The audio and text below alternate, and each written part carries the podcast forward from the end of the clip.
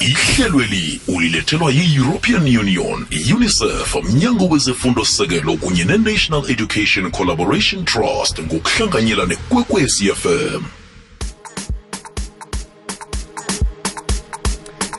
singena njalo-ke bangani bami ngaphathi kwehlelo elimnandi ihlelo zikhulumele your mind emhatshweni kwekwezi fm kukhanya bhango. Umgcibelo omuhle kangaka?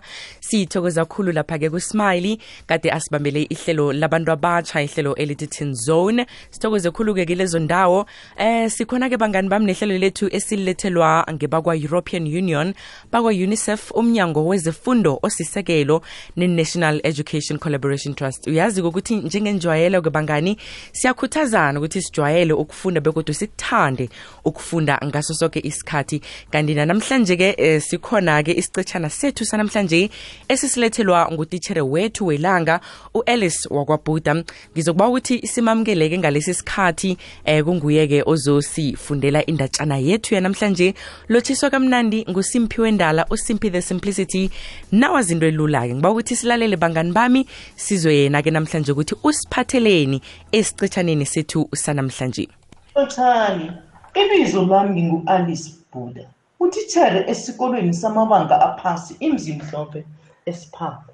Ngiyanamukela esicetshaneni sethu esithabisako esisilethelwa yi-European Union, UNICEF, National Education Collaboration Trust, umnyango wezefundo ngokuhlanganyela nekwekwezi FM. Esicetshaneni sethu sanamhlanje sizokuqala incwadi yethu yesihloko esithi ukufunda ngomlando wama-Afrika. Sizokufunda ngomlweli chaphuluko uDokotela uNelson Mandela. Incwadi le itlolwe nguChris van Wyk yakhutshwa yi-Awareness Publishing. Incwadi le ikhuluma ngempilo kaDokotela Nelson Mandela, umlweli malungelo owaduma iphasi lonke. Owahlala ekuvalelweni iminyaka emathumi amabili nekhomba ogade angumongameli wokuthoma wentando yeningi esewula afrika. Incwadi le imutlolo wamaqiniso akusiyo inolwane ayikasuselwa ehloko ikhuluma indaba eziliqiniso ezenzekako. Lo esizowuqala mtlolo obizwa bona yipilo mlando Impilo mlando mtlolo otlola ngepilo yomuntu ophilako nanyana ohlongakeleko. Ikunikela ilwazi elingeneleleko ngomuntu loyo. Impilo mlando kanengi itlola ihlathulule abantu abadumileko. Eminye imitlolo eyipilo mlando ngileyo eyahlolwa ngo-Desmond Tutu, Winnie Madikizela Mandela, Trevor Noah nabanye abantu abadumileko. Sibize incwadi kaDokotela Nelson Mandela Impilo mlando ngombana ihlathulula impilo yakhe njengoba injalo. Kusuka ekubelethweni kwakhe ekufundeni kwakhe ekufikeni kwakhe eJohannesburg ukubotshwa nokuthathululwa kwakhe nokuba ngumongameli wokuthoma wentando yeningi eSewula Afrika. Lapha angikhambi ngedwa ngikhamba notitjhere usibanyoni ofundisa esikolweni iqhubani mahlohotlobu sobabili sizobe sifunda isahluko sinye encwadini yethu le bese siba nenkulumiswano ngalokho esikufundileko. Ngiba ubona siqale ingaphandle lencwadi yethu esizoyifunda namhlanje. Ingaphandle lencwadi yethu le libonakala likarisatle linombala osarulana orhanyazelako iflarha yesewula afrika erhunywe ngomncamo nesithombe esihle esiveze ubuso bukadorhodera uNelson Mandela amomotheka nabesanyana ababili ikhuwa nomuntu onzima. Nasifundako nje ngibona licabangisise ngalokho esitshelwa khona ngempilo kadorhodera Nelson Mandela. Ngifuna niyelele benazi bona ukukhumbula kuqakatheke khulu lokha nasifundako ukukhumbula kwakha ukuzwisisa. Ngifuna nizakhele iinthombe ngokobana impilo yayinjani ekukhuleni kukadorhodera rolihlahla nelson mandela. Ngibawa bona nilalesisise benizakhele iinthombe ngalokho okwakusenzeka nakakhulako. Ahake asikhambeni sonke sifunde sizwe bona incwadi le isiphathele ini. Udorhotera urolihlahla nelson mandela wabelethwa mhla amalanga alithumi nobunane kuvelabahlinze ngonyaka ka-1918 emzaneni omncane emthatha etranskei esele yaziwa ngele eastern cape. Wathi bona abelethwe uyise wamupha ibizo likarolihlahla ngesixhosa elitsho ukudosa ikari lomuthi nanyana elitsho ukubanga inturhu. Ibizo likanelson walithiwa ngutitshere wakhe owayengakwazi ukukhuluma isixhosa. Akhe ucabange nje ukuthiya ibizo elitsha nasele uneminyaka elikhomba. Udorhotere urolihlahla nelson wabelethwa ngunina unosekeni noyise uhenry gadla mphakanyiswa inkosi yabathembu. Abathembu bangabesitshaba samaxhosa. Uyise wayenefokoti elinenhluthu ezimhlophe. Udorhotera unelson nakasesemncane wayenanda athatha umlotha azenzise ngawo ehloko acabanga bona lokho kuzamenza afane khulu noyise. Emva kokubelethwa kwakhe umndeni wakwabo wafudukela equnu e-eastern cape. Uthe lokha nakaneminyaka emihlanu wathoma ukwelusa. Wayeselusa iinkomo nezimvu eendatshaneni ezibhode iqunu. Wayakuthanda ukulusa. Yena nabangani bakhe babedlala imidlalo eminingi efaka hlangana ukudlala iswazi ukududa emilanjeni ukuthelela ematsheni aspara ukukhwela abodumbana nokweba ilitshe lenyosi uthe nakaneminyaka elikhomba wathoma ukungena isikolo. Isikolo sakhona kwakuyindlu enekumba yinye yokufundela. Bonke abafundi babengeniswa ngapho bafundiswe ukufunda nokutlola udorhotere unelson rolihlahla mandela esikolweni wayesembatha ibhruku likayise elaliqundwe emadolweni bese kuthi edinini libotshwe ngumutsha. Lokhu bekwenzelwa bona limlingane kuhle kanti enyaweni wayefaka amabhutsu webholo. Uthe nakaneminyaka elithoba uyise wahlongakala. Emva kokuhlongakala kukayise kwafanele bona akhambe ayokuhlala nomalumakhe inkosi yemqhekezweni ujongintaba. Ujongintaba wayemngane omkhulu kayise begodu bobabili babeyithanda ifundo. Emqhekezweni wayehlala kamnandi adlala nomza wakhe ujustice. Babekhwela abodumbana balime amasimu. Uthe nakaneminyaka elithumi nesithandathu umalumakhe wamthumela esikolweni samakholwa eclarkbar eminyakeni leyo abesana nabentazana babengafundi ukuyaphi kodwana ujongintaba wayefuna bona udorhotela unelson afunde. Kuthe ngo-1939 udorhotera unelson mandela nakaneminyaka emathumi amabili nanye waragela phambili neemfundo zakhe zamabanga aphakamileko edyunivesithi ifort hare lapho wafunda isingisi zombanganarha nezomthetho. Wayecabanga bona uza kusebenza njengomrhumuthi ekundleni yomthetho lokha nakugwetshwa amacala. Efort hare wahlangana nomfundi u-oliver tambo. Bathoma baba bangani abakhulu. Ngelinye ilanga abafundi bajagala banqomoyila ngokudla okungakalungi. Batshelwa bona kufanele bona baxolise kodwana udorhotere unelson owayemdusi phambili wabafundi wathi ucabanga bona ukunqomoyila nokuchagala kulungile begodi wala ukubetha ihobhe wacotshwa esikolweni wathunyelwa ekhaya. Wadana khulu umalumakhe nakambona afika acotshiwe esikolweni.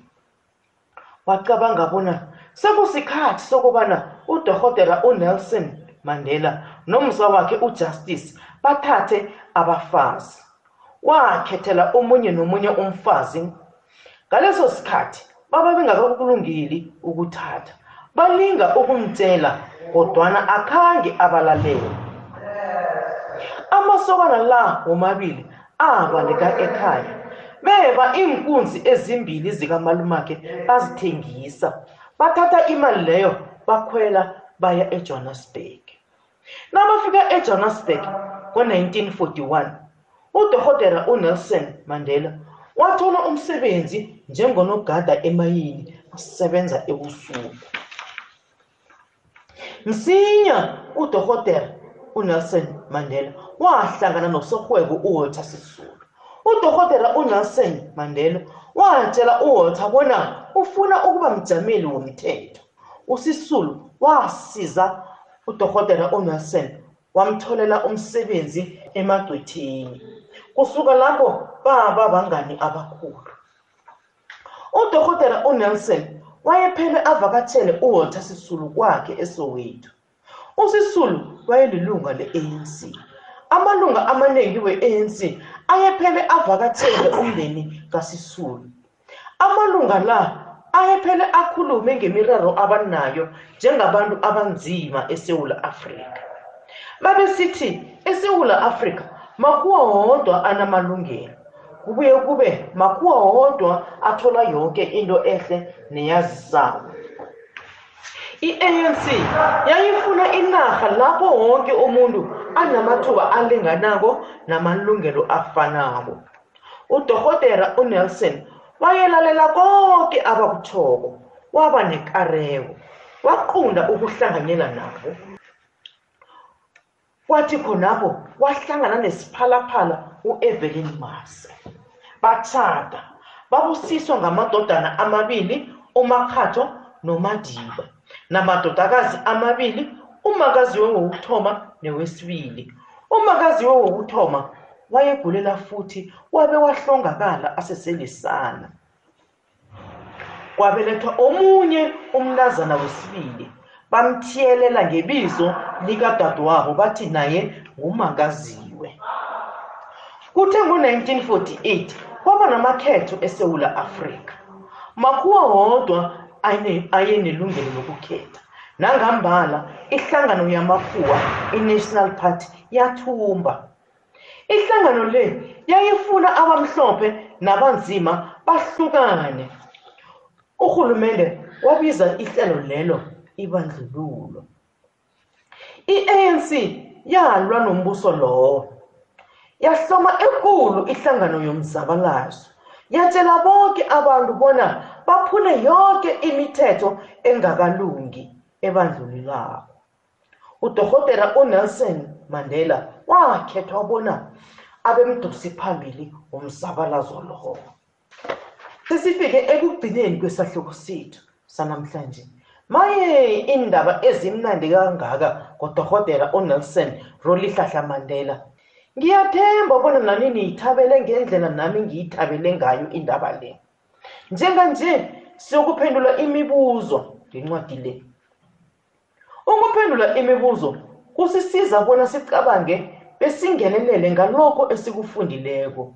Kusiza bona sibone besihlole bona sizwisisile na. Ukuphendula imibuzo kulihlangothi eliqakatheke khulu ekufundeni. Yatshe mngani ulalele usimphi kukwekwezi fm njenganje sinotitshere usibanyoni ozositshela bona ucabanga ini ngencwadi le. Abe asihlathululele bona siyiphendula njani imibuzo yesifundo sokuzwisisa. Titshere sibanyoni ngiba ubona ucabange ube uphendule imibuzo elandelako umbuzo wokuthoma udorhotera unelson mandela udume ngani? Umbuzo wesibili wabelethwa nini begodu wabelethelwa kuphi?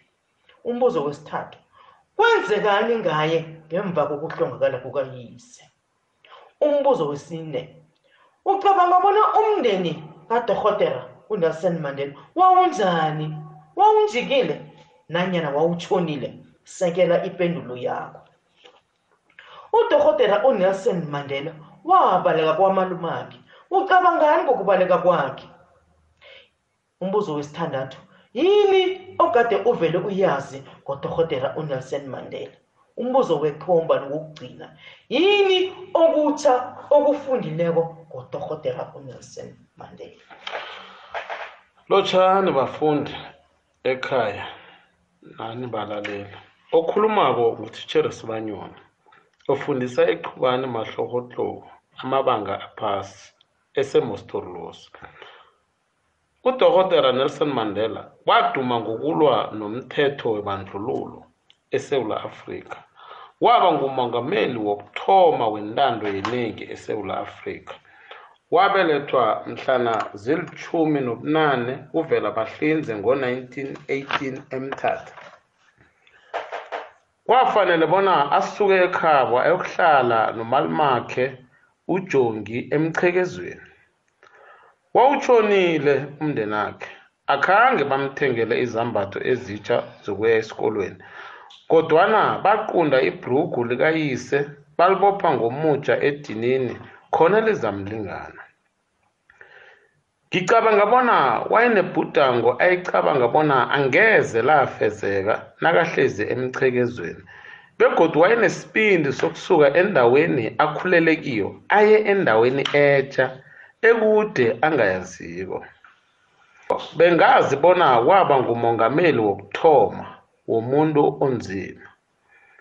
Bengingazi bona weba ikunzi kamalimakhe wayithengisa ngombana afuna imali yokuya ejohannesburg. Siyathokoza titshere sibanyoni ilwazi elihle kangaka kodorhotera unelson mandela. Ucabangani ngencwadi le ukufikela la? Ngicabanga bona yincwadi emnandi. Khulukhulu lokha nangifunda bengizwisise bona impilo kadorhotera nelson mandela yathoma ibudisi kangangani. Sengiphela ihliziyo bona ngiyifunde ngiyicede ngizwe konke ngodorhotera unelson mandela. Ungabacocela abangani bakho ngayo? Ungababawa bona bayifunde? Nakanjani? Ngingababawa bona bayifunde.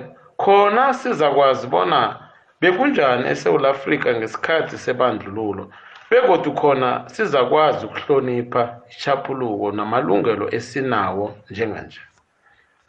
Siyathokoza titshere sibanyoni. Bangani ngifuna nicabange ngokungeneleleko ngempendulo zenu. Benizijayeze ukuphendula imibuzo le emakhaya. Imibuzo elandelako le ngileyo ongazibuza yona. Lokha nawufunda omunye nomunye umhlolo wempilo mlalo umbuzo wokuthoma zibuze bona umuntu lo engifunda ngaye udume ngani?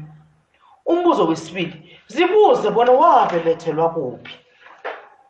Umbuzo wesithathu zibuze bona bobani ababelethi bakhe? Umbuzo wesine zibuze bona yini ekarisako ngaye? Umbuzo wesihlanu zibuze bona yini egade vele ngiyazi ngomuntu lo? Umbuzo wesithandathu zibuze bona yini etsha engiyifunde ngayo? Kuqakathekile bona sicabange ngalokho esikufundileko. Nawukhona ukuhlathulula amaphuzu aqakathekileko wencwadi kutsho bona uzwisisile lokho egade ukufunda. Kuqakathekile nokucabanga ngalokho okufundileko khona uzakwazi bona utshele abangani bakho ngalokho okufundileko. Nokubabawa bona bafunde incwadi leyo oyifundileko. Siyethemba bona sizokuhlangana godu esikhathini esizako nasizokufunda incwadi yethu ethabisako elandelako. Kwanje siyethemba bona uza kufuna incwadi le uyifunde uyiqedelele. Bogodu sibawa bona ufunde eminye imitlolo khulukhulu leyo ephathelene nempilo yomuntu. Khona uzakwazi ube uhloniphe indlela abanye abantu abaphila ngayo. Khumbula nowufunda khulu wazi okuningi nowufunda okuningi ukhamba indawo eziningi lawo mamezwi kadorhotera ucs ukuba semkhanyweni ukuba nelwazi ikwekwezi ba yatshemngako ulalele usimphi ukwekwezi fm sithokoze khulu ku-elis wakwabhuda okade kunguye-ke asifundela indatshana yethu. Yanamhlanje ngithemba ukuthi nani bangani bami lapha emakhaya? Niyithabele njengoba nami ngiyithabele kangaka